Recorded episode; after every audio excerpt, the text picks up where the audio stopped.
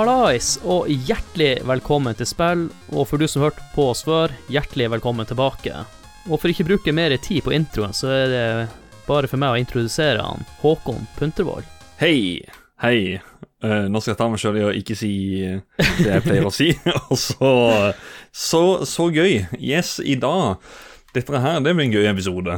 Vi skal Ja. snakke om noe du på sett og vis har problemer med hjemme nå. Det er jo ikke akkurat det samme, men går vel under samme kategori, nesten. Ja, like plagsomt. jeg oppdaga jo tidligere i dag at eh, Eller dagen starta bra med at jeg fikk med PlayStation 5. Gratulerer. Gratulerer. Så dagen starta bra, men etter hvert så skulle jeg jo legge den eh, PlayStation-eska inne på kottet mitt, og da oppdaga jeg jo museskit. Det er en sånn eh, gledesdreper. Ja, en skikkelig sånn. gledesdreper. Yes. Så da følte jeg meg litt som han skurken i det spillet vi skal snakke om i dag, som du nevnte, han Fatcat. Så jeg har lagt mm. ut en masse feller som skal prøve å ta og gadgeter som er i mus. Ja, så hvis dere da hører et sånn, et sånn klapp midt i episoden her, så er det bare mus som har gått i en felle hos Adrian. Ja. Men Adrian, når vi skal snakke om dette spillet her, vi er jo selvfølgelig ikke alene. Vi har jo alltid med oss en gjest. Og til denne episoden så har vi Bjørn Magnus Midthaug, kjent fra Saft og Svele og Level Up. Velkommen, velkommen. Takk for det, takk for det, takk for det. Hesten går det, som jeg liker å si. Eller andre liker å si, eventuelt. Ja. Du, eh, litt sånn som vi pleier å gjøre, da. Vi pleier egentlig å spørre litt sånn relasjon til spillet. Uh, og hvordan første møte og sånne ting. Husker du noen ting fra det? Vet du hva, egentlig ikke. Uh, jeg lurer på om en eller annen nabo hadde det.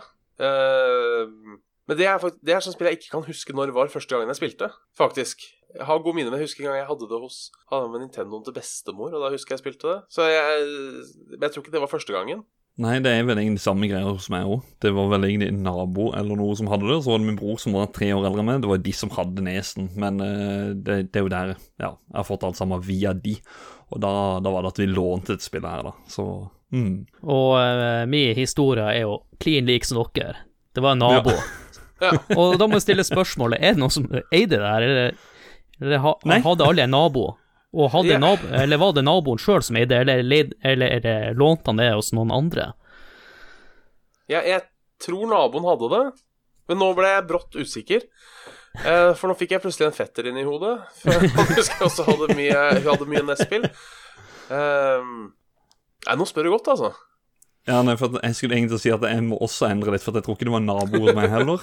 Det var fordi at på vei til min mormor og de som bor oppe i Skien, da skulle vi innom og levere dette spillet, her, så vi måtte kjøre til den personen da som vi hadde lånt spillet av. Så det, det er ikke akkurat nabo når du må kjøre til personen. Så ja, det var en eh, bort i gata, ned noen bakker og, og opp og her og der. Ja. Det kommer jo an på hvor du bor hen. I Nord-Norge og litt i distriktene, så må du jo kjøre et stykke for å komme til naboen. Ja, Et meget tett nabolag var det. Men eh, brukte dere å se på Redningspatrulje, som heter her i Norge? Åh, ja, gjett om, da. Ja, det husker jeg. Det gikk, på TV, gikk det på TV3? Jeg mener det, i hvert fall. Men vi hadde aldri TV3, vi. Det, vi hadde jo bare den eh, antenneboksen, eller eh, som vi gjorde sjøl nede på rommet.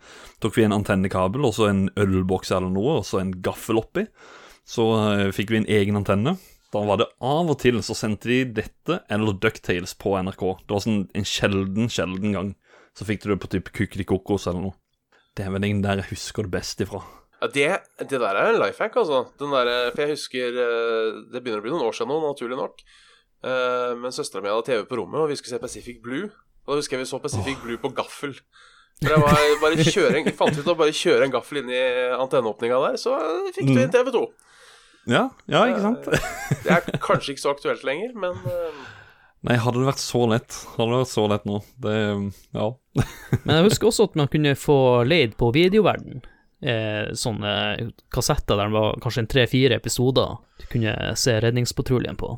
Men jeg var jo ganske heldig, vi hadde jo kabel-TV der jeg bodde, så fikk sett ganske mye ut av eh, Chip and Dale, og andre Disney-serier gikk jo på eh, Disney-teamen, som var også på svensk TV1 og TV Norge eller noe sånt. ja. Siden dere bare hadde NRK, så er det jo kanskje litt vanskelig å få sett det, da.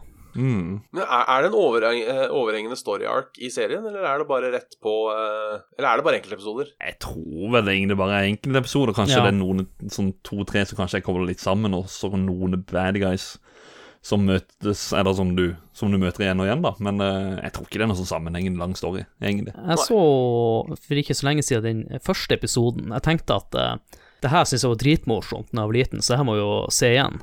Og da var det De skulle dykke ned til ei sånn uh, sjørøverskute som lå i, under vann, da. Men så var, det liksom lite luftlomme der det bodde noen ute, i rotter eller noe sånt. Eh, jeg tenkte at det her skulle være veldig underholdende å se på, men eh, jeg fikk bekrefta at jeg har blitt noen år eldre og finner ikke samme underholdninga i å se på det lenger. Så det ble bare med den episoden. Jeg lar det ligge med nostalgien. Jeg viser ikke til ungene engang. Det, sånn, det, det var så bra når vi så på det. Jeg har ikke lyst til å ta sjansen sånn som vi gjør med Golden Eye og alle disse andre kremspillene som var perfekte når vi var små, og så er de bare Nei, det er ikke det samme lenger. Det er, det er nok smart. Jeg tenker det er det greieste. Ja, og med det så tror jeg jeg bare skal hoppe rett over til eh, selve hovedspalten, og uh, introdusere dere litt for historien bak det spillet. Cool.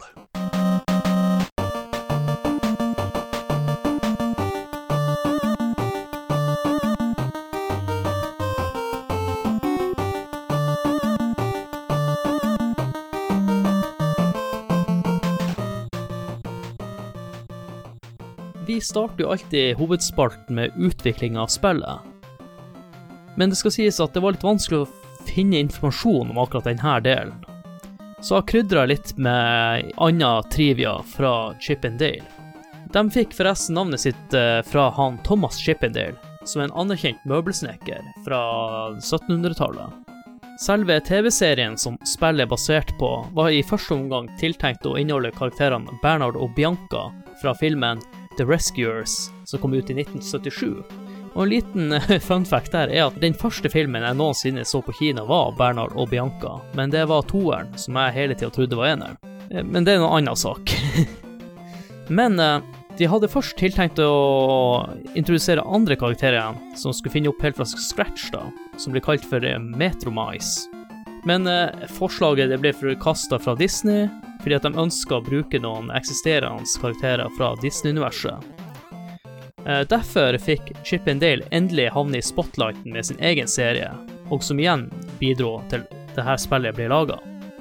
I dette tidsrommet hvor eh, serien gjorde det veldig bra, så hadde akkurat Capcom gjort suksess med sitt første egenproduserte Disney-spill, nemlig Ducktales, som vi faktisk allerede har laga en episode om, så gjerne sjekk den ut. Så derfor var det på tide å kaste seg på et nytt eh, Disney-spill. Og valget havner på Chip and Dale Rescue Rangers, som på denne tida også var populært på TV3 her i Norge. I hvert fall som jeg kan huske det. Utviklingsteamet som skulle jobbe med dette spillet, besto stort sett av de samme personene som har vært med på Ducktales og Megaman-spillene.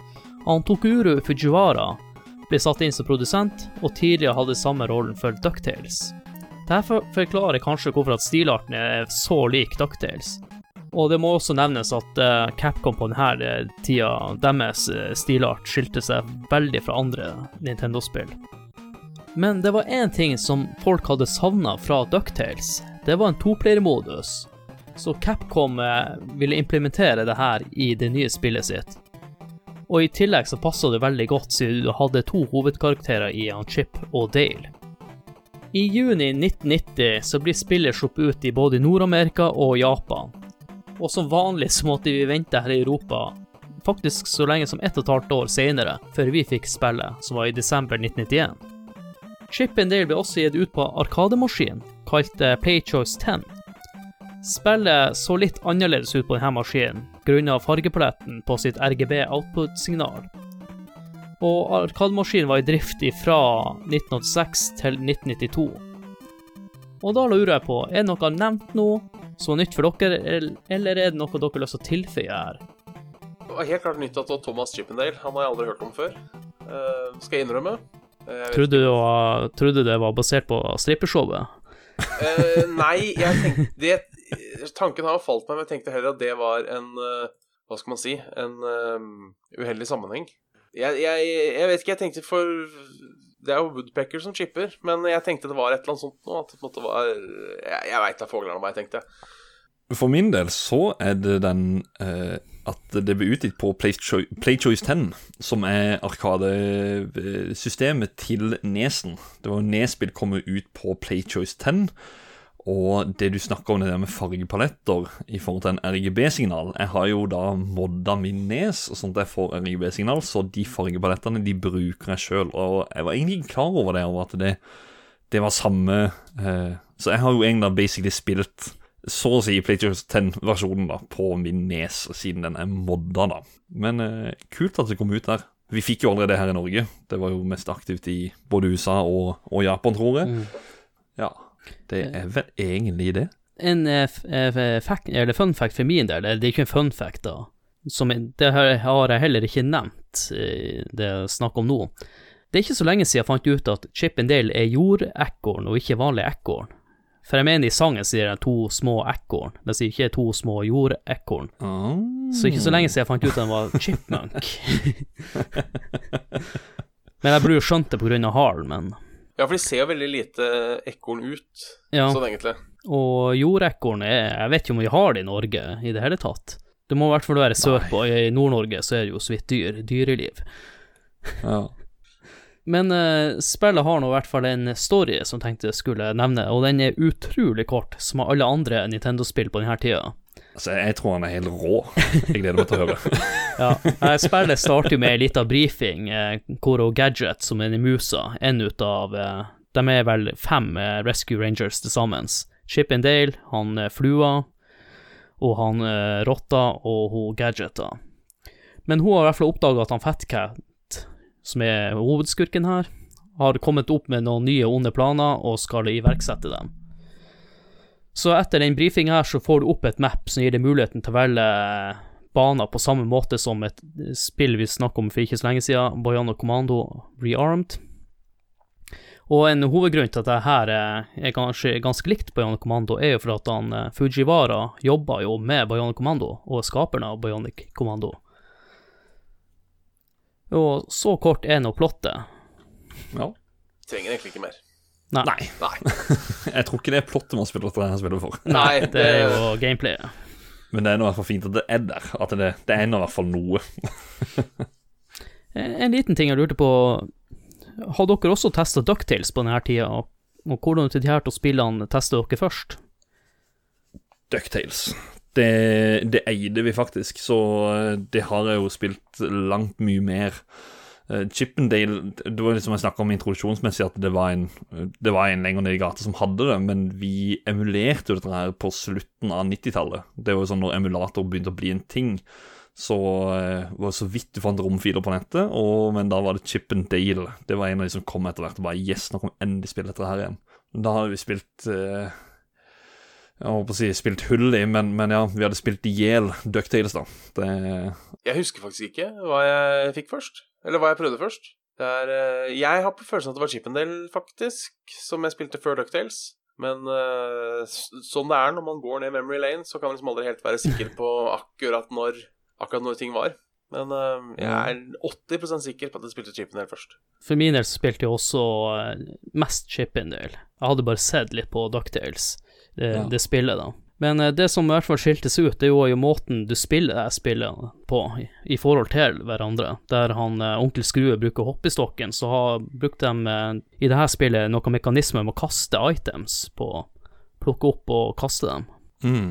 Fremskritt. Ja, og spesielt eh, det jeg ikke la merke til eh, før, som jeg har lagt merke til nå, det er når du plukker opp den tomaten, så blir han mer sliten og klarer ikke å bevege seg like fort. Jeg vet ikke om jeg har merket at den beveger seg sakte, men han får jo de svettedråpene. Ja, Man går kanskje saktere òg. ja. han, går, han går saktere, han hopper vel lavere og alt sammen, men eh, jeg spilte jo dette her eh, nå faktisk sist i går, før, eh, dagen før vi spiller inn, og da, eh, da fant jeg ut av hva disse her eh, Har dere sett de her P, eh, så er det sånn potion Det ser, eller, ser ut som en sånn potion-flaske eller noe, Ja. Ja. som jeg alltid har trodd eh, fyller opp livet eller noe. Men det er jo egentlig en sånn power bottle som gjør at eh, sånne items gjør at du hopper helt vanlig, sånn som at du bærer en vanlig eske. Så den gjør det på en måte sterkere, da. Altså Eh, styrkedrikk. Ja, på en måte. Power drink. Jeg trodde alltid det var noe sånn power up eh, for å få mer liv, men eh, jeg mista jo bare liv uansett, selv om jeg hadde den. Men er det noe eh, Er det noen fordel i å bære store ting? Du kan ta ut eh, noen fiender, sånn som den svære bikkja, og Ja. den andre fiender som tåler to eh, kast. Sånn Ja. nei. Kanskje jeg bare holdt meg unna tomaten fordi jeg ikke ville gå sakte. Og så er det vel det at de boksene, de, når de treffer, så detter de bare ned. Så er du, du, du har liksom brukt de der på én karakter, så hvis de kommer da tre-fire stykk på rad, så kan du kaste et eple, så kaster du gjennom alle sammen. Men det jeg lurer på med Mm. de boksene der, eh, hvem er det som snekrer så små bokser? Å, dæven. Det var et godt spørsmål, egentlig. Ja, men altså, Ja. det er jo Disney-universet, da, uh, tenker jeg. Og du har jo Alle fiendene er jo på den størrelsen, og de trenger jo bokser, de òg. Så jeg Ja. tenker at det er eh, Det er nok et eller annet selskap, Akme Ja. Mini eller noe sånt, noe, som står bak det. Det høres ut som en logisk forklaring her. Men det er kanskje det som skiller de her to spillene aller mest, er jo at uh, i Ducktales så kunne du bare spille i énplayer, mens i uh, Chip and Dale så kunne du spille toplayer. Mm. Og det var jo kult, men også en funksjon som gjorde det lett at man kunne havne i slåsskamp. For det er jo friendly fire på i det spillet. Ja. Og det forklarer en grunn til hvorfor jeg og, og de jeg spilte med, aldri klarte å runde det spillet. Altså, som Friendly Fire, så er det vel ikke det at du mister liv. Det er vel heller at hvis du kaster det Ja, du får den, der, du får den dizziness. eh, Men du kan vel også kaste hverandre. Hvis du gjør han dizzy, så kan du kaste han. Eller så er det bare i oppfølgeren. Jeg har i hvert fall brukt det veldig mye når jeg streamer dette her sammen med tidligere gjest, eh, Dag V. Så streamer vi eh, Chippendale 2, og da brukte vi det som en, eh, en mekanikk på veldig mange av bossene, å kaste hverandre. da. Så det kan du bruke mye der. Jeg vet ikke om det er med i dette spillet. Det her kan jo i hvert fall løfte den ene karakteren, og det kan jo være lurt i enkelte områder. Ja. For det er jo sånn hvis du eh, Som er klassisk på denne tida, er at den ene karakteren kan havne utafor skjermen, mm. som gjør at du eh, fucker opp for den andre. Mm. så har du dem, eh, når du dør, så kommer de opp med en sånn ballong. Stemmer. Så alltid så var det lurt å egentlig bare plukke opp han ene, og så bare at han ene spilte av partier i spillet. og en annen ting som jeg har lagt merke til med et spill her, at det går sinnssykt fort. Ja, det er veldig raskt. Det er jo det som jeg gjerne har problemer med, at det Ja, karakterene går altfor fort. Det er jo sånn Sånn som du snakka med Ducktales i stad. At uh, Ducktales er jo mye mer roligere, han beveger seg mye tregere. Så Her er det jo små ekorn, og de hopper og beveger seg raskt, så det ligger vel noe i det, tenker jeg. Men det gjør, de gjør det jo litt morsommere da, når man skal drive og plattformhoppe og litt sånne ting. Ja. Men så er jo, jo de brettene her er jo også litt mer rett fram enn i Ducktales. Ducktales måtte jo frem og tilbake, mens her er det egentlig en klassisk sidescroller. Av og til må du hoppe opp Ja. i noen områder. Gjerne Og- bort, og så opp der, tilbake igjen, og så opp der, og så går du inn. Og så er du ferdig med banen. Ja. Men litt sånn eh, jeg skjønner jo at han kanskje har gjort det på en måte, for eh, når vi hadde intervjuet med han, eh, han Wiklund, så han som var designer og, og uh, director for Bayana Commando Rearmed, han sa jo det at når med en gang du skal ha toplayer, så er det mye vanskeligere å lage spillet. Så det kan hende at det er derfor at uh, banene er litt mer rett fram enn Ducktales. Ja. Men vi kan jo uh, snakke litt om karakterdesignet. Og så uh, jeg har bare lyst til å nevne det at det er kanskje kjent for mange, men han Chip er jo modellert etter han Indiana Jones, og han Dale er jo modellert etter han Magnum PI. Ja, det gir jo mening når du sier det. Jeg har ikke- aldri tenkt over det. Men øhm, ja, du har jo skjorta og jakka, for så vidt. Ja. Ja, Indiana Jones, den, har, den referansen har jeg liksom alltid tatt, da. Men, men eh, det at han får si fra Magnum PI, han er Dale eller Snapp, det, det visste jeg faktisk ikke. Nei, du skjønner med en gang når du har blitt fortalt det. Da ser du med en gang den skjorta der er jo ganske gjenkjennelig. Mm. Men uh, vi har jo de andre karakterene jo også med i spillet. De, de, eh, de to andre.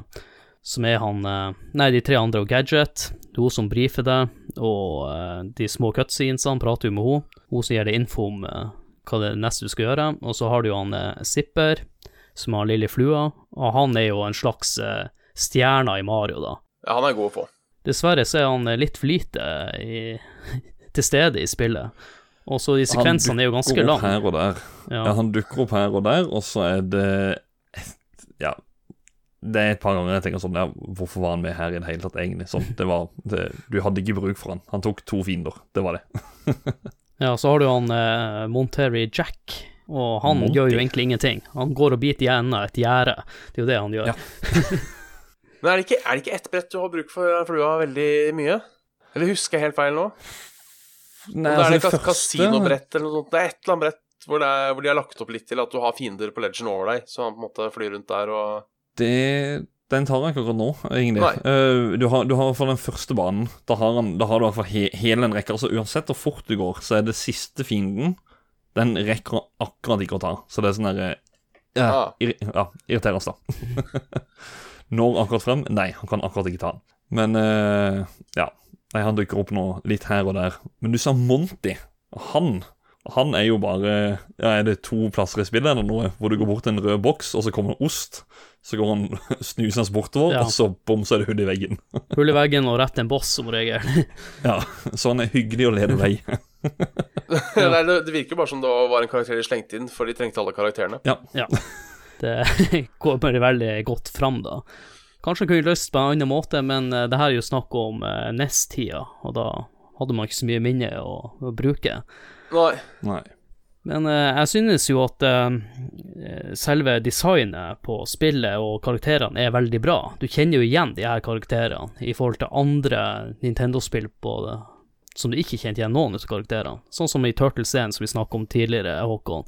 Ja, fytti katta. Han med motorsaga, han så du jo aldri i Ja. Turtles-tegneserien. og han er flammemann og Mens her kjente jeg igjen mange. Ja, du har jo de bikkjene, som er de robotbikkjene. Mm. Men bad guyen her er Fatcat. Uh, han Det er jo han doktoren i tegneserien som styrer de her eh, hundene. Ja. Og da er mitt spørsmål Ser du han doktoren i det hele tatt i spillet? Nei, det tror jeg ikke du gjør, faktisk. Nei. Så det er liksom sånn Ja, ja, Fatcat styrer alt, de bikkjene er med. Ja. Så de er i hvert fall med noe, da, ifra, ifra tegneserien av, av fiender kontra Ja. hva Turtles klarte. Men de andre fiendene står jo i stil til tegneserien, Ja, det gjør de. så de kunne jo godt ha vært med der. Og det er jo en, eh, en god variasjon på fiendene. men jeg syns de fleste brettene har kanskje to-tre typer fiender, og du møter kun dem på det brettet. Så du kan jo Mm. være litt sånn eh, det er litt kult, da, for da får du det som står litt mer i stil med brettet noen ganger. Ja, men på den andre sida igjen, så føler jeg at uh, når du bare har en to-tre fiender på hvert brett, så blir det kanskje litt for uh, ensformig Ja, jeg føler det er bedre enn noen spill hvor du har to-tre fiender hvert på alle brettene. ja. Som på en måte ikke står i stil, at du har uh, ismonstre i flammeland, på en måte. Og så synes jo at de klarer å få frem en god del eh, morsomme detaljer på alle brettene. Ja. Jeg tror det fine jeg husker best, er, de der, er det på kasino hvor du har de røyskattene med høy frakk.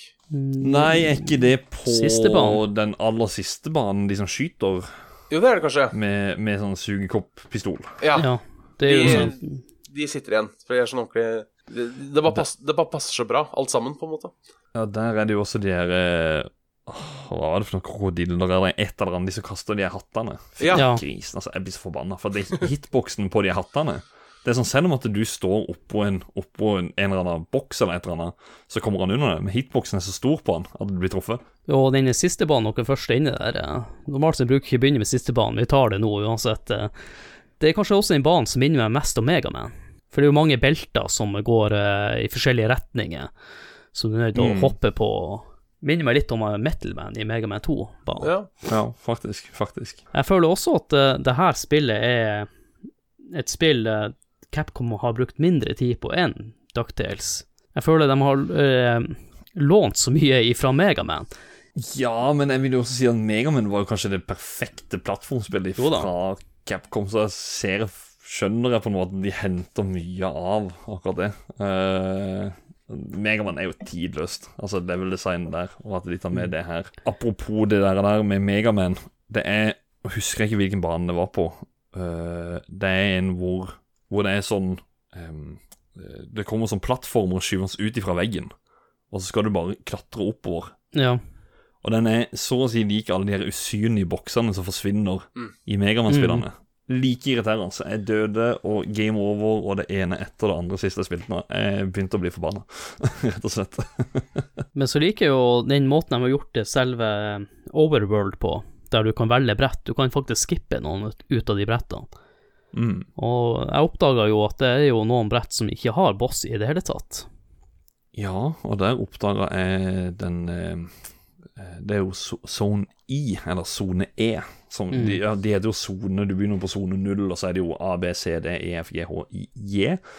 Uh, på den uh, E, den tror jeg faktisk jeg aldri har spilt før. For der skjedde det jo litt av hvert med at du tar opp den hammeren som du skal hamre deg gjennom veggen. Mm. Jeg var aldri klar over den itemen der. At du skulle hoppe over på den båten, f.eks. Det er også sånn jeg har helt glemt. Jeg, jeg vet ikke om jeg har spilt det før, eh, men det er nå i nyere tid altså, så var det sånn Oi, jøss, fet. Det var faktisk et par mekanikker som jeg Jeg vet at dette her var jo med i sånn i Ducktails, da. Det er jo en sånn ting jeg kanskje savna litt i dette spillet, men uh, de er med der. Men det er jo en klassiker når man var liten. Av og til så var du Du vet ikke hvor du hadde hørt henne, men du, du bare fulgte i retning.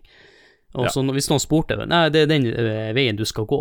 Så jeg tror eh, mange gikk glipp av noen brett.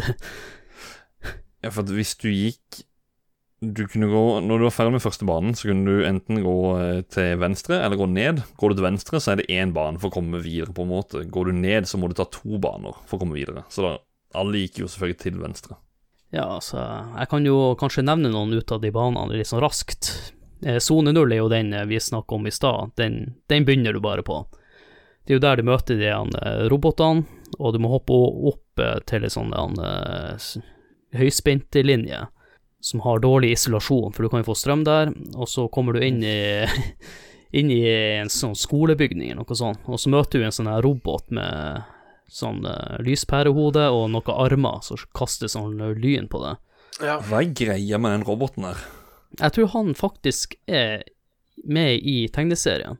Ok, for at han har en Ja, er det en, en grønn lyspære eller noe som hode? Ja. Og så har han noen armer og en feiekost og Ja, han har nå seks armer, da, med noe diverse greier på. Det er vel en Men- sånn uh, junkbåt, har jeg alltid tenkt at det har vært. Bare som samla sammen alt de kunne finne, og så en eller Ja. annen gærning som har laga et eller annet. Det er sikkert den samme som har lagd de bikkjene, tenker jeg. Jeg husker i Ja. hvert fall den fra TV-serien. Uh, greia er jo også med samtlige bosser at du skal kaste en sprettball, som også kan skade deg sjøl hvis du Ja, det er noe man alltid glemmer når man spiller det på nytt. Men skal dere lære triks? Ja. Hvis dere kaster ballen opp, og så holder dere opp fortsatt og B-knappen når den lander oppå det, så holder du den igjen. Så kan du bare Oi. holde opp, trykk på B, kast den opp, kom ned, fortsatt holde inne oppå B, du holder den. Og så har du tatt bossen på 1, 2, 3. Det er ingen som har fortalt meg før nå. Nei, ikke meg. Ja, Så jeg har alltid løpt, løpt rundt og uh, alt mulig. Eh, neste brett Jeg blir å ta den fra A til eh, slutt. Da er du ute i en skog og skal klatre opp et tre der det kommer noen flygende uh, ekorn i sånn ninjadrakter, Ja. og noen fugler, hvis jeg ikke husker. Men eh, bossen der er jo ei ugle, som eh, er ganske pissig, for å si det rett ut. Han flyr Ja. rundt og, og kaster fjær etter det. Det er jo ikke noe Det skal sies om egentlig alle disse bossene her. Eller det, det er vel et par som kanskje stikker seg litt ut, som er medium vanskelig, men, men eh, ellers er de veldig, veldig lette. Ja. Sånn i overkant lette. Ja, det er ikke der du sitter fast, som en regel. Nei. Nei. Ja, og eh, Sone B, det foregår inni en diner, og så tenker jeg hvorfor i faen det er så mange kraner på det brettet. Jeg skal jo, Elsker den mekanikken. jeg skal jo ordne meg nytt kjøkken. Jeg har ikke tenkt å ha så mange kraner inne på mitt kjøkken, i hvert fall. Ja, nei, der sier du noe. Hvorfor det er så mange av dem? Nei, det vet jeg ikke. Men, men jeg digger for bare det design der, at du, du faktisk må hoppe opp på kranene for å stoppe vannet, for å så gå videre. Og så er Det er kult for sin tid. Og så er det litt eh, kule fiender der med noen aliens som kan gjøres om til eh, din karakter, da. Og på toplayer så kan det være veldig forvirrende. Så den, kan, den er kanskje vanskeligere på toplayer enn enplayer. Men det er, det er der de derre som eh, Hvor jeg alltid ser ut som det er noen sånne små teddybjørner som pisser på deg. Ja, de ja. De som bare løfter opp eh, kilten sin med en Ja. der og skyter tre kuler på det. Ja, jeg, jeg tror det er en annen bane der. Jeg lurer på om det er leketøysbutikk eller noe sånt. Nei, jeg skal mene det der òg. Ja, det kan godt Ja, hende. det, det, ja, Jeg- jeg blander litt, for det er noen brett som jeg føler går igjen med hverandre. Ja, de gjør det i farger og, og alt sammen, egentlig. Men bossen her er nå et lite romskip som du Ja, som de får to eller to-tre forrige bossene du skal kaste inn sprettballen på. Ja. Det skal du inn på alle bossene, faktisk. Er så som er jeg, jeg tror ikke jeg gidder å nevne det overalt. Eh, Sone C, så er det inne på bibliotek med kenguruen som kaster Eller slår noen sånn tennisballer på deg, og den tåler faktisk eh, to hit før den er ute. ute. -hmm. Ja, det er litt irriterende, for de kaster ganske fort. Ja. De Men har et sånn mønster du er nødt til å følge, ja. Ja, Så- du har en lite sånn der pausespace, det er da du skal prøve å få kasta den her eska. Mm. Og så har du Eller, noe eller noen andre som du spiller sammen med. Bare ta tak i han og bare kaste på han. Så Ja. hvis det har han livet, så er det game over på han også. Yeah! Og så har de også noen fugler der som kaster bomber. Men eh, hvis du Mm. bare er litt passiv der, så slipper de bomben langt unna der du er. Så dem, eh, hvis du kan det trikset, så er ikke det noe problem. Og det her er faktisk et brett der det ikke er boss. Nei, for det er jo faktisk et par av de, Ja.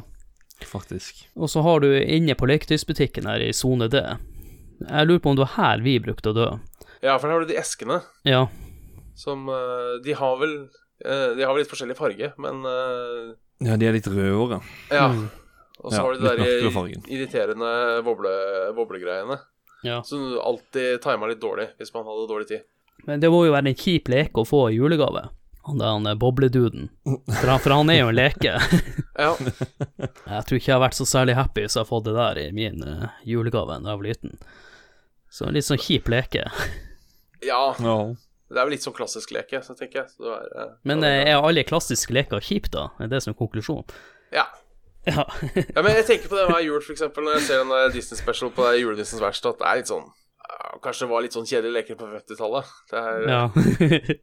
Når du nevner den, det beste der er jo malinga som de har med der. Den sjakkmalinga som de bare smører Ja. på, så bare bom, så er det sjakkbrett. What? Gikk det? What?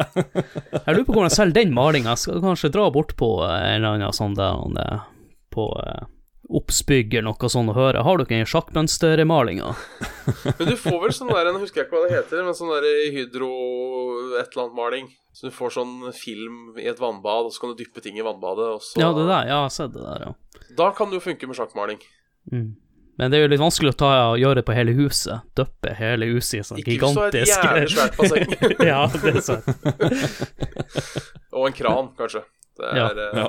Men eh, bossen er jo kanskje en litt kulere leke, for det er jo en robot da, som slipper ut masse klinkekuler, et eller annet. Og kanskje en av de bossene som eh, er størst utfordring til nå, for han kjører også litt frem og tilbake, så han kan kjøre fort etter det. Så hvis Den- du ikke er påpasselig på det, så kan du dø. Ja, så har vi noen kuler og sånn som spretter Ja. halvveis random fra himmelen, er det ikke sånn noe? Ja. Mm. Eh, når det er sånn i ettertid, så Det var mer utfordrende som barn enn voksen, men det har kanskje litt med erfaringer Ja. å gjøre. Eh, E er jo, har vi jo snakket om, så den eh, trenger ikke snakke så mye om den banen, da. Men, eh, det er jo den båten du må ta over. Men der Mm. har du en fisk som også skyter lyn, som bare svømmer rundt. Som er veldig lik den eh, første bossen. Så det er jo litt gjenbruk her. Det er jo bare det at han beveger seg. Det er jo Ja. ikke noe mer enn det, egentlig. Så de to, to lynene kan komme ifra ja, egentlig hvor som helst, på en måte.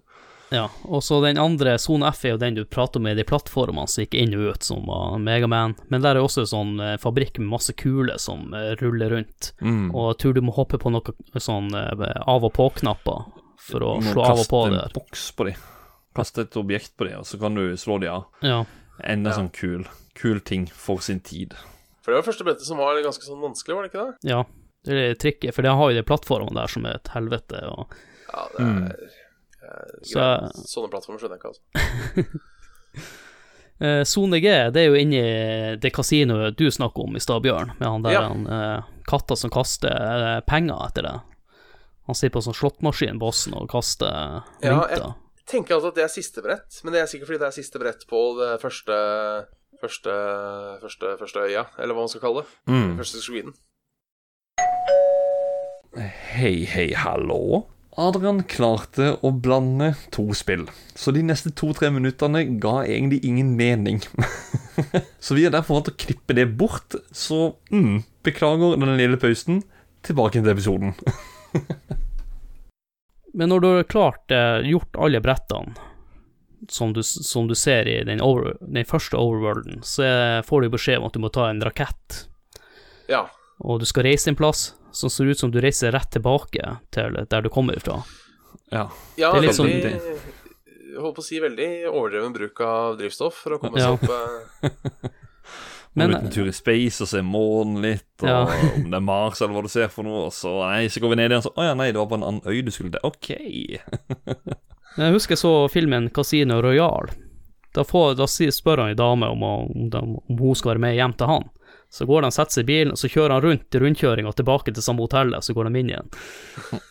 Ja, ja, ja. Så, ja, så litt, litt den stilen, i hvert fall. Men uh, Zone H, da, som er den første ut av de tre brettene, det er inni en kloakk. Ja, det er er- møkkasone. Ja, møkkasone. Men det positive, det er ikke noe boss der. Nei, men det er jeg, driver bare for å friske opp minnet, bare spoler kjapt gjennom en sånn video her. Og det er den der, husker jeg den oppgangen hvor du på en måte skal oppover, hvor det er trangt, du må velge en vei, og så har du de der flyvekkordene som kommer på sida. Ja.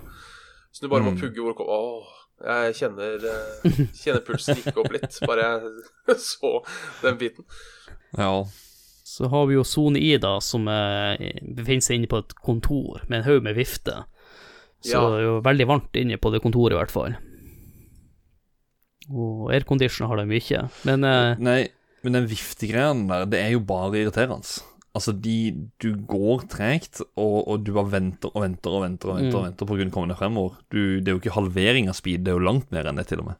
Og så kommer du opp på den og sier nei da, nei, du må gå et stykke til for å komme på andre sida, og da, da slutter han å funke. Yes, konge. Det er jo ikke, det er jo ikke verre enn vann, som jo er mye brukt i eh, Ja. Bortsett at du ikke kan hoppe Du kan ikke hoppe vekk fra den, da. Det, det er jo litt kjedelig. Um, ja, det er vel eh, nesten samme teknologien, tenker jeg. Ja, De hadde vel vifteteknologien fra Airman, tenker jeg, som de ville Ja, ja. Bruke. Men han bossen her er veldig tricky. Det er sånn tusenbein som står over deg, så hver gang du treffer med sprettballen, så detter han i stykker. Ja. Og så samler han seg igjen på midten av, av brettet og hopper opp igjen.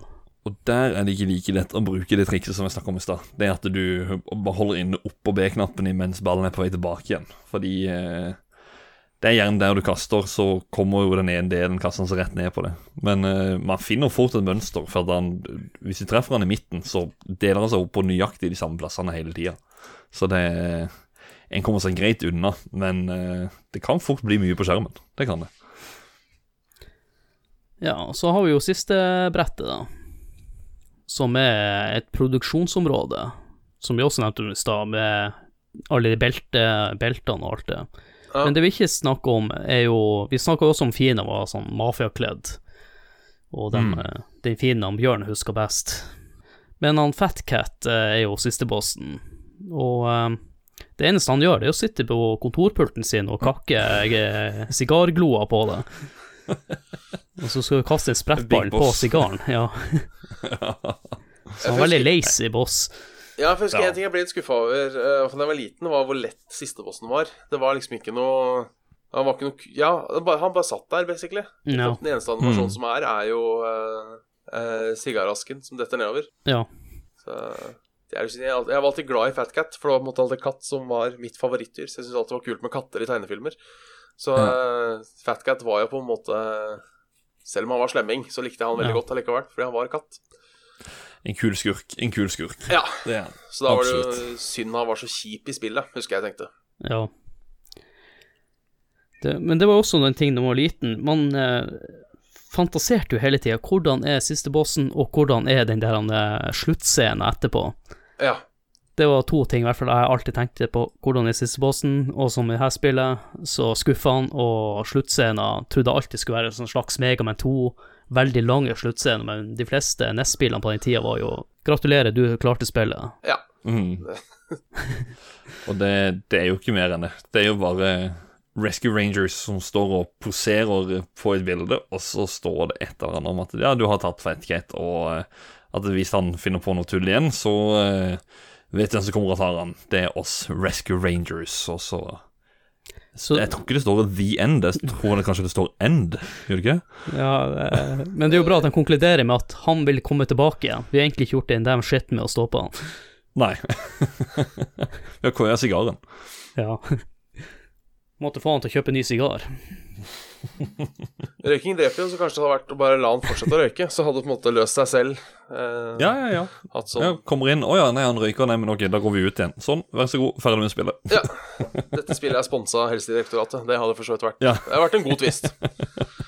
En liten ting jeg glemte å nevne i stad vi var inne, inne på items, er at i betaen så var det mye mindre blomster og stjerner, og de itemsene gir deg ekstraliv. Og Ja. vi har vel kanskje ikke nevnt de items i hele tatt, for jeg har alltid lurt på hva var de blomstene? Jeg skjønte ikke det, at man fikk ekstraliv ut av det.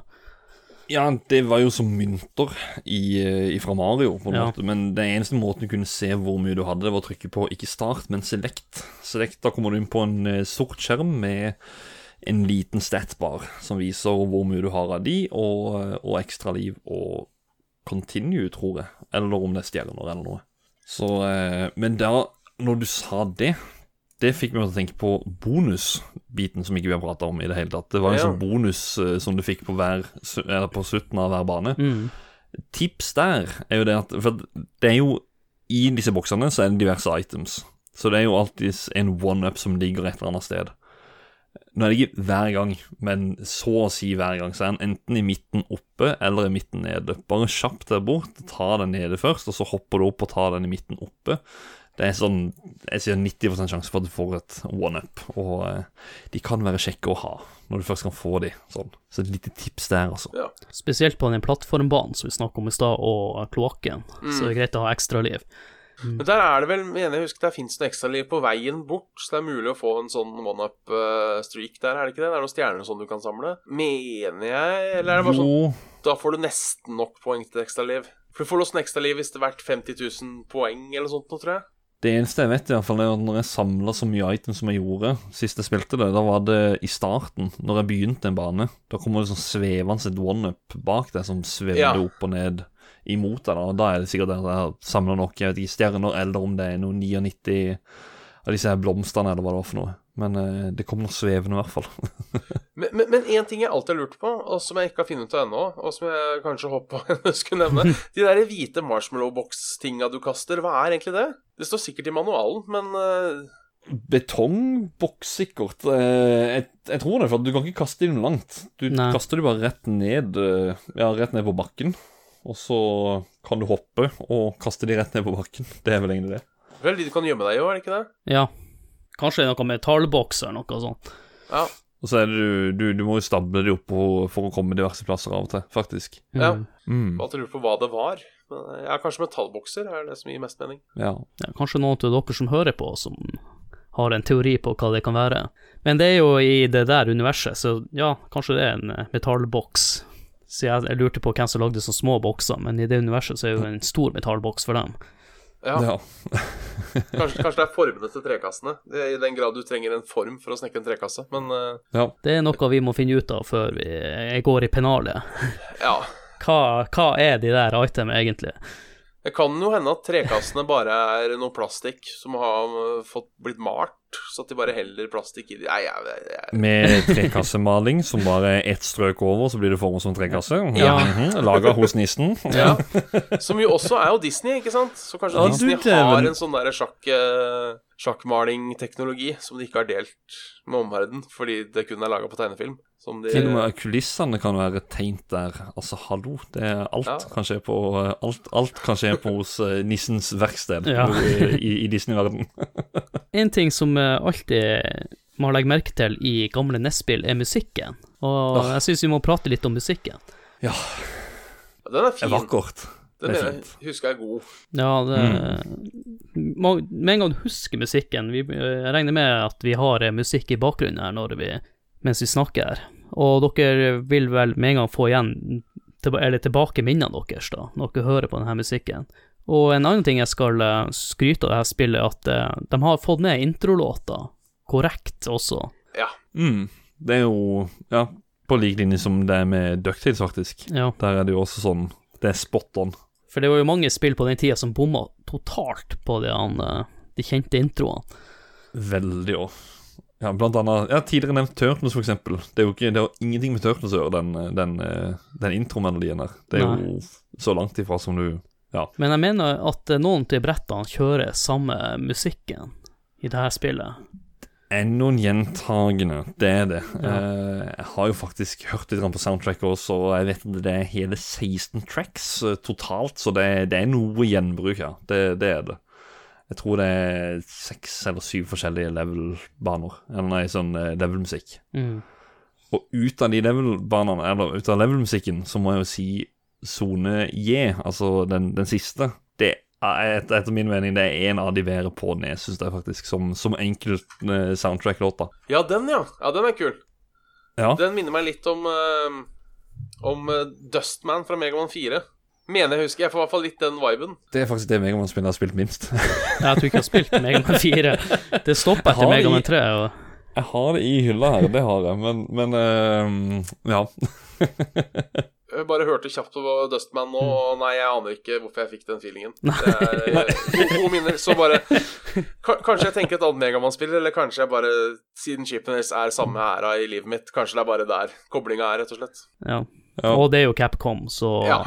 De bruker litt samme lyder og sånn. ja. Men jeg, vet, men jeg vet jo at du egentlig kan sette litt pris på musikken, da, Adrian.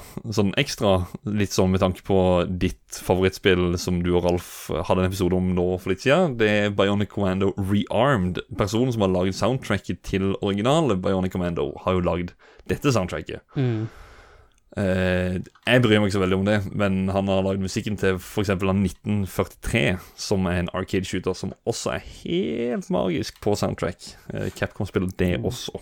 ja. Jeg må arrestere litt, for det er jo hun som har lagd musikken til Bionic Commando. Hun, han. Ja, mm, ja, ja ho, hun, jo, hun, ja. Mm. Men når vi først snakker om andre spill her, så kom det jo opp en oppfølger. ja.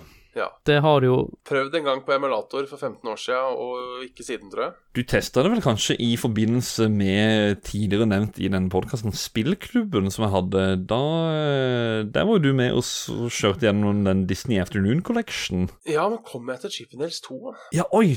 Dæven, ja, det kan jo hende at det ikke At ikke du fikk spilt der. Eh, For min del, når det kommer til det spillet der eh, Jeg kan sikkert trampe på føttene til folk. Jeg sier jo som jeg gjorde når vi spilte inn Ducktales-episoden, jeg liker dette her egentlig like godt, hvis ikke bitte grann mer, faktisk. For det er så mye mer i det spillet enn det det er i det første. Altså, grafikken er langt mer eh, detaljert.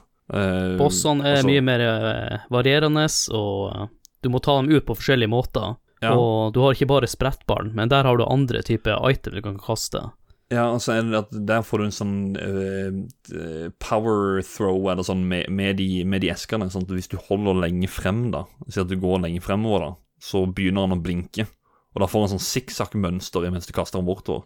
Og det kan du gjøre med Spiller du toplayer, da, så kan du bruke den andre personen som en prosjektil.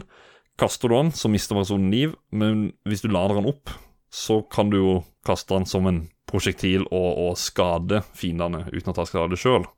Det gjorde meg og Dagve, og da fant vi en sånn tricky way for å ta siste bossen. Et lite, et lite triks igjen. Ja, det som også er litt stilig der, det er jo også de forskjellige it andre items du kan kaste, som har en annen bane. Mm. Jo, jeg har spilt det. En gang, nå har jeg spilt det. Ja. Kjenner Jeg- igjen et par av bretta, i hvert fall. Ja, jeg er enig med deg, Håkon, at eh, jeg synes også her spillet er bedre på mange måter, men det er jo litt mer ukjent spill siden det kom ut i 1999 Nei, 1999. 1994. eh, det jeg har lurt på da, når de lagde eh, NES-spill så sent, hvorfor ikke komme med en eh, Chip and Dale til Super Nintendo i stedet for? Hadde ikke det vært jævla kult å få det en Chip and Dale til Super Nintendo? Det var vel billigere, da. Å bare bruke en samme asset og sånne ting, vil jeg tippe. ja, jeg ser vel ingen for meg det, at det var bare lettere å, å ja, oppgradere grafikk og, og den slags. Men tenk hvis det hadde vært noe i dag, da, noe som eh, Så jeg fikk PlayStation 5 i dag, at noen sier at nei, forresten, jeg skal lage spillet her til PlayStation 4 i stedet for. Ja. Ikke sant, etter den nye konsollen har kommet ut. Jeg syns bare det er litt sånn fascinerende. Jo, men det, men det, det skal sies da, altså, sånn, bare sånn for å snakke konsoller, så er det jo altså Det hoppet nes til snes er noe mer spesielt enn alt annet. For at jeg, jeg tror egentlig folk var Folk ikke helt skjønte Eller folk var sånn ja, Nes er jo den spillkonsollen vi spiller på nå. Det er liksom Det er spillkonsollen, det. Og så kommer Super Nintendo. Her, hva er det som skjer for noe? Hva, hva Ja. Det var jo Det hoppet der var noe helt annet enn det var jo ikke noe bakoverkompabilitet, sånn som det har vært nå eh, på PlayStation 5 til PlayStation 4 og den slags. Jeg syns bare litt synd at de ikke fikk så mange ut av de Disney-spillene til Super Nintendo. da. Jeg tror de kunne vært Ja. veldig eh, vakre å se på, og også morsomme å spille. Har sikkert noe med lisens å gjøre, tror jeg, også. Fordi det var jo litt det med nesen. Da kom jo Vi snakka om det i Master System-episoden, og da er det at eh, på Nes Det som vi gjerne fikk av Disney-spill, det var jo de Disney Afternoon, eller Disney Ducks, eller Disney-teamen, som er Ducktales, Darkwing Duck, eh, Chippendale, Tailspin Vi fikk liksom de på Nes, da. Eh, På Snes så gikk de vel over til ja, Mickey Mouse og sånt, da, med Capcom. Mm. Da var det Mickey Mouse-spill. eh, det var vel et Donald-spill Ja. Jeg skal ikke si sikkert om det faktisk var Capcom, da. Men eh, ja, de gikk jo litt mer all around Disney der, føler jeg. Det er som å lage Lion King og Aladdin og sånn. Er det også Capcom? Nei, det er det ikke. Nei, det er Virgin Aladdin, Ja. det er Capcom. Eh, Ja, ok. Det var Virgin som lagde Lion King. Jeg kunne, jeg bare tenkte det du sa med lisenser. At eh, om de Mm. bytta over lisensen eller noe sånt. Det kan. Ja. Det er nok noe bak det, tenker jeg. Men absolutt, det er jo absolutt noe jeg kunne tenkt meg å sette på Snesen. I den, altså i, i hakket bedre grafikk. 16-bits ned for 8. Men uh, i hvert fall Chippendale 2, der er det såpass oppgradert, og, og de makser det ut. Så ja. Mm. Ja, jeg tenker før vi går over til å rate spillet, så eh, Hva dere vil si eh, trekk ned spillet? Hva dere mener jeg kanskje kunne forbedra? Er kanskje litt mer, litt mer utfordrende til en viss tanke, for jeg føler at de, de stedene i, i Chippendale som er vanskelige, er vanskelig bare fordi de er urettferdige. Hvis det er mening? Mm. Mm. Det er bare fordi Ja. det blir kasta så mye dritt på deg som du bare må gjøre sju ganger for å huske hva som skjer. Mm. Eh, det er liksom ikke noen sånn fast reactions og, og, og sånne ting som eh, kan være litt gøy. Så det vil jeg si trekker litt ned. At det er sånn som regel enten litt for lett eller litt for vanskelig. Eh, så kanskje litt, litt bedre balansering i, i bretta. Absolutt. Han eh, godeste, den, eh, den lille flua, den Zipper, plasser han kanskje på steder hvor du virkelig kjenner at det, her har jeg, her er jeg nødt til å ha han, altså her burde jeg ha han Mm. med. Ja. Og ja, muligheten for å rett og slett sette opp vanskelighetsgraden, eh, det, det kan jeg egentlig se for meg at kanskje noe på Roomhack eh, community eller et eller annet som faktisk har gjort at de kanskje har gjort det spillet litt vanskeligere der, for at det, det skal være en form for challenge å komme gjennom, da. Ja, men nå er jo du ekstremt god i plattformspill. Jeg er litt mer på Bjørn der, at det er noen områder jeg synes føles eh, rett og slett urettferdige. Ja, men det er så få av de, på en måte. Det er Ja, liksom men Håkon, der, du er, er det- litt bedre enn alle andre på de plattformspillene. Det er ikke alle som kommer på nummer én på det han eh, Hva heter han Mario-spillet? 99? Eller 42? Å, eller hva? å, ja, Mario 99? Nei, Mario 35, heter Ja. jeg. Ja, ja. Der er du ofte på førsteplass. ja, ikke nå lenger. Nå er det spillet dødt. Men eh, jeg hadde winstreak, ja. Jeg hadde tre på rad. Det var, det var gøy. Jeg har aldri kommet høyere enn andreplassen. Og det ah, Ja, men eh, vi skal ikke avslutte hovedspalten med en downer, så jeg spør, hva er det som gjør spillet så bra, og hva som trekker opp spillet? jeg vet ikke. Det er bare noe uh, Altså, musikken er konge. Uh, så er det Jeg vet ikke. Det er, det er sikkert level design og, og, og det, karakterene, alt sammen. Jeg syns det Ja, det, det er bare det Kontrollen er jo ganske responsiv. Ja, Ja. jeg vil nevne den. Kontrollen. Eh, og, jeg, Mm. og egentlig hele spillet er så, det er så fint og lekent og fargefullt og Ja. eh, Det er det. Og så er det at du, du er Altså, ja, du må hoppe på disse svære vannkranene. Altså, sånn, du, er, du er jo mikroskopisk. Du er Mm. et stort univers, på en måte. Du er, en, du er et lite ekorn som ja, flyr rundt i hager og eh, må klatre opp på blomsterpotter og, og den slags. Jeg vil også trekke frem at spillet var veldig tro mot TV-serien. Så Mm. alle fiendene og alle karakterene alle var veldig tro mot det, sånn som det ville vært da i TV-serien, i hvert fall for de fiendene som ikke var med i TV-serien. Så man trodde jo på at det her var Ja, at det her foregikk i det universet, da. Og med det så tror jeg bare skal gå over til å rate.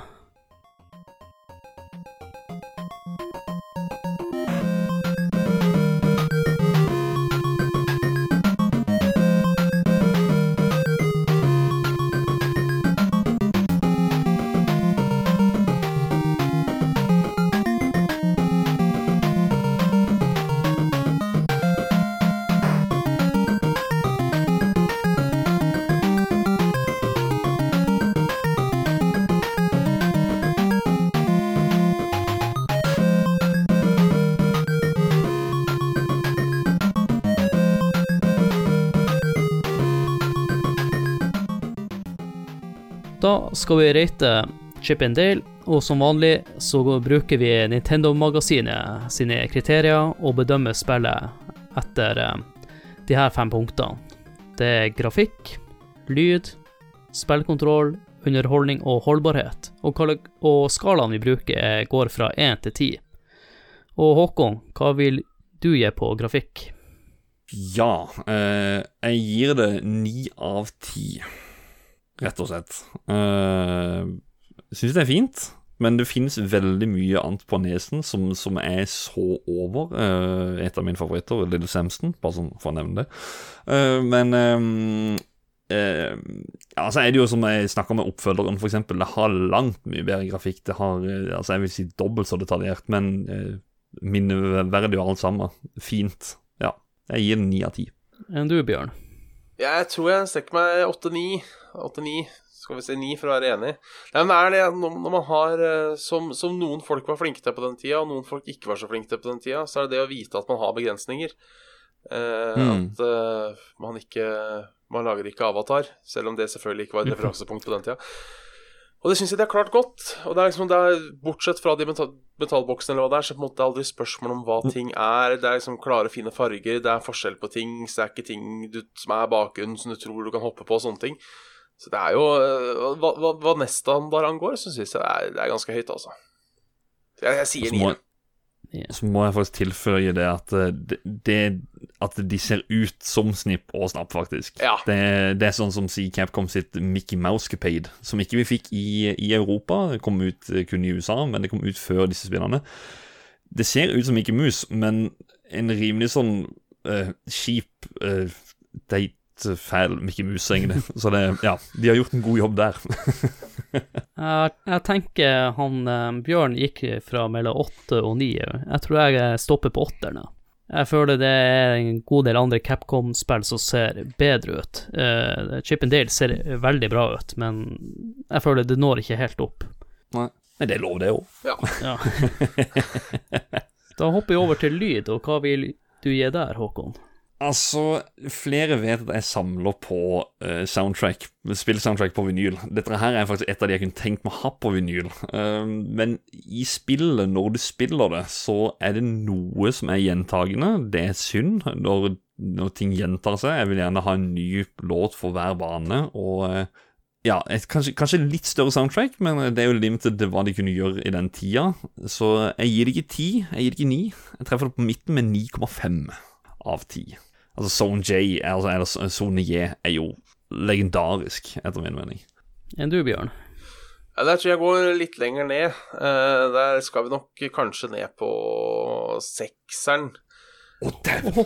Eh, husk, at, husk at en femmer er helt ok, så det er ikke, Ja. det, så det er ikke dårlig. Uh, nei, men altså, det er uh, Som sagt, det er ikke Ja, det er sone J, den er kul, men så er det på en måte ingen andre sanger som fester seg så godt. Eh, og så er liksom lydeffektene er litt sånn kjedelige. Det er som bling, blong, bling, blong, bling, blong. Det er liksom ikke noe spennende lydeffekter. Ja, jeg, jeg tror jeg må holde meg der, altså. Det er, det er, det er, det er bra. Det er OK, Mm. kanskje litt OK pluss, men det er liksom ikke Det er ikke Det sitter ikke igjen Nei. like godt som uh, kanskje Nei. mange andre spill. Så det blir en sekser. Ja. Jeg hadde tenkt å gi det åtte, men så kom han Bjørn her og får meg til å tvile igjen, så det her går ned til syv. Du var alltid en Nei, nei, nei, nei! Ja, ja, ja. Da går vi er over til, da går vi over til eh, spillkontroll, Håkon. De er ekorn, de beveger seg kjapt, de er lette. Du merker i spillet at de er lette, og eh, Altså, trykker du til sida, så, så går de til sida. det er ikke noe venting. Eh, det går litt for fort, syns jeg. Du Mm. kunne slå det litt ned. Eh, Nå har vi heldigvis litt uh, tregere fart på PAL-systemet, så her i Europa så eh, 16 uh, senere enn i USA, så vi er heldige der. Jeg gir det 8 av 10. Og Bjørn. Der tror jeg jeg går, sånn høy, altså. tror jeg går høyere. Å ja. uh, tror jeg Hva NES angår, altså, jeg tror jeg faktisk gir det full pott. Jeg. For jeg kan aldri Altså, du kan hoppe opp og ned. Du kan all... Hvis du har spilt NES-spill før, så trenger du ikke en manual for å spille Chippendales. Det bare er Det er sånn kontroller skal være. Mm. Så, og det er responsive, og jeg liker at det beveger seg fort, så jeg, jeg gir det full pott, jeg, altså. Det er, det er, når man spiller det, så skulle man tro det var laga i dag.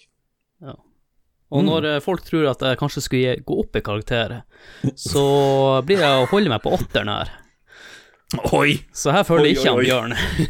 Nei, du er, og nå er du lavest ned da. Ja, ja, ja, ja. Ga Nei, også likte med. Jo, jo, Ja. jo. Dessverre. Jo, nei, sorry, mente jeg. Ja. Mm, ja. Mm, Ja. Åtte.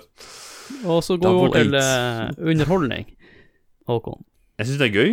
Eh, jeg kan slå det på jevnt og trutt, og det er Det er underholdende. Det er snipp og snapp. Redningspatruljen digger, digger det. Konge.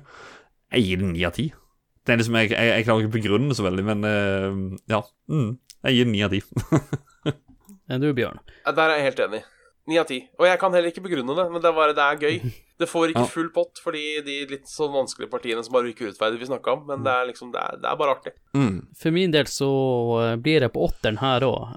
Er- føler at eh, noen eh, brett er litt for rett fram.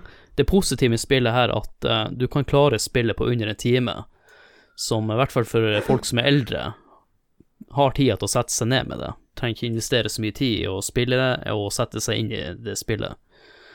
Det er et morsomt spill. Jeg vil egentlig ikke anbefale toplayeren, for det om det var det som skulle appellere til massene, siden Ducktail ikke hadde det.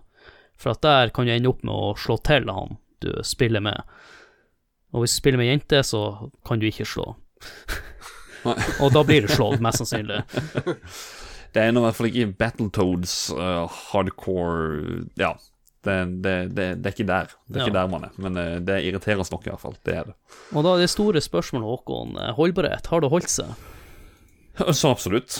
Det er jo et av mine favoritt-nedspill. Jeg gir det faktisk så mye som ti av ti. Full pott. Det er holdt seg knallbra. Det var like gøy da, det er like gøy nå, og jeg syns Ja, det mm, Ti av ti. Ja, jeg er enig. Det er eh, Ja, det rett og slett har holdt seg. Det er, eh, det er gøy. Eh, Man tenker ikke over at man spiller et NES-spill, som man noen ganger gjør når man spiller gamle spill i dag. Uh, nei, det bare det, fun det funker, det er artig, det ser pent ut. Det er eh, Mm. Tror det hadde vært gøy selv om man plukka det opp for første gang. Ja. Eh, jeg hadde tenkt å gi det åtte av ti her, men jeg går faktisk opp til ni av ti. Siden dere fikk 9,5. meg til å verdsette det mer enn det jeg husker. Og Kom igjen, da. Ni, Nei, nei, ni, det holder i massevis her. Jeg kan ikke være, kan ikke være julenissen på det han er Disney julemorgen, eller hva det heter for noe.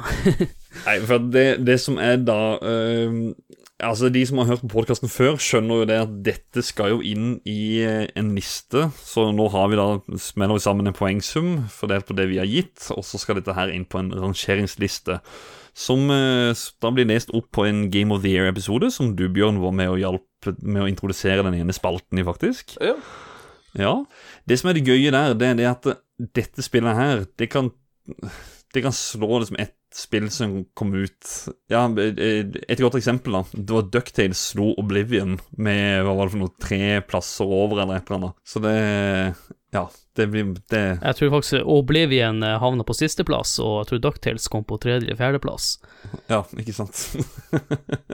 Eh, Nå har jeg en liten eh, fun fact her, er at jeg har ikke notert ned karakterene på de siste episodene, så det høres ut som det blir kjempehjemmelekse for meg rett før vi skal eh, gå i gang med Godti-episoden. Å, det gleder meg.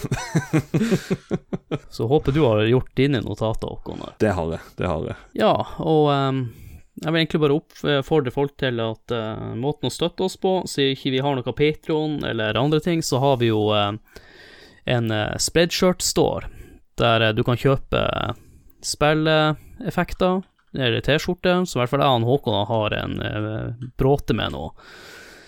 Eh, da går det i hvert fall en liten sum ut av det til oss, og det er ikke så mye, det er vel en 20-30 kroner. Mm. En annen måte å støtte oss på, det er jo rett og slett å tipse venner og bekjente om podkasten. Og eh, vi har jo også noen eh, plattformer som eh, spiller community på Facebook, og eh, discorden vår, der vi spiller for tida veldig mye Counter-Strike 1.6. Og hvis du hører på denne episoden om to år, så Forhåpentligvis så eksisterer Discorden enda, men vi kanskje spiller noen andre typer spill. Og kanskje Det er sikkert en CS. klassiker. Ja. Det har gått i, det har gått i veldig mye klassikere. Alt fra Day of Defeat, uh, Trackmania Nations, uh, altså alt mulig. CS16. Bare masse gamle klassikere. Og det For alt du vet, så eh, hvis du hører noen her om noen år til, så sitter du og spiller klassikeren Destiny 2, eller Ja. ja.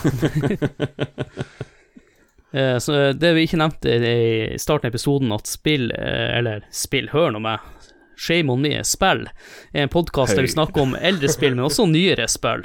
Det er en god mix-up. Ja. Men da gjenstår det egentlig bare for meg å si tusen takk for at du ville være med oss, eh, Bjørn. Jo, takk for at jeg fikk være med. Det var trivelig.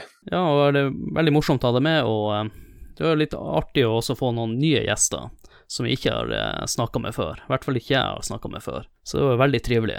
Ja. Ja. Og så må jeg si takk til min kompanjong for at du er med som vanlig. Jo, takk for meg, takk for meg. Det var jo veldig koselig å snakke om eh, enda en eh, Disney-klassiker. Eh, Disney Capcom-klassiker. Og vi kommer sikkert til å snakke om, om en til av de, fordi at det er jo ja, klassisk eh, kongespill, alle sammen. Ja, det er mange Disney-spill å ta av, så det blir nok noen flere i framtida. Mm. Og med det så vil jeg bare si tusen takk for at dere hørte på oss, og håper dere vil høre på oss i framtida. Og da sier jeg bare ha det. Morna! Ja, det bra.